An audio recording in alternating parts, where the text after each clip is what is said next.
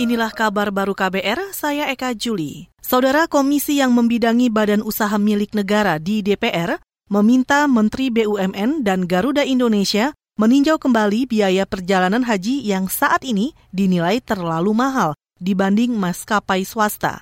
Anggota Komisi BUMN DPR, Andre Rosiade, meminta biaya transportasi diturunkan sesuai dengan kemampuan masyarakat. Haji Indonesia itu 70% adalah orang-orang sulit yang secara ekonomi sulit. Nah, itu yang saya ketuk hati Pak Menteri BUMN agar meminta Garuda mengevaluasi dan mengkaji lagi berapa biaya sesungguhnya agar bisa meringankan uh, beban jamaah haji Indonesia. Jelas kita memberikan gambaran kalau bisa bisa diturunkan karena kita dengar uh, maskapai swasta bisa lebih murah daripada Garuda. Anggota Komisi BUMN DPR Andre Rosiade juga mengingatkan pemerintah seharusnya memberi kemudahan dan keringanan biaya keberangkatan haji masyarakat.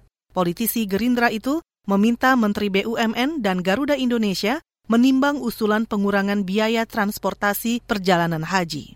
Kita ke soal korupsi.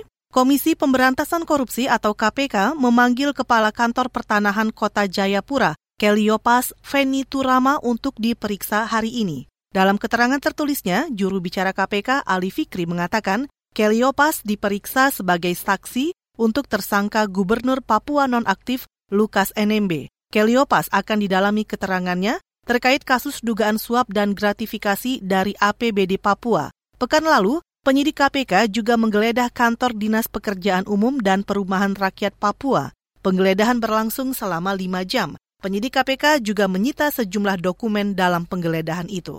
Kita ke mancanegara. Setidaknya tiga orang tewas dan lima lainnya luka-luka akibat penembakan di Universitas Michigan, Amerika kemarin. Mengutip Reuters, polisi Michigan mengatakan penembakan dilakukan seorang pria tidak dikenal yang menargetkan orang-orang di universitas tersebut. Tembakan dilepaskan pelaku di gedung akademik Berkeley Hall dan gedung Michigan State University Union. Sampai saat ini, polisi belum bisa menjelaskan detail motif penembakan. Operasional kampus juga ditutup selama 48 jam imbas peristiwa itu.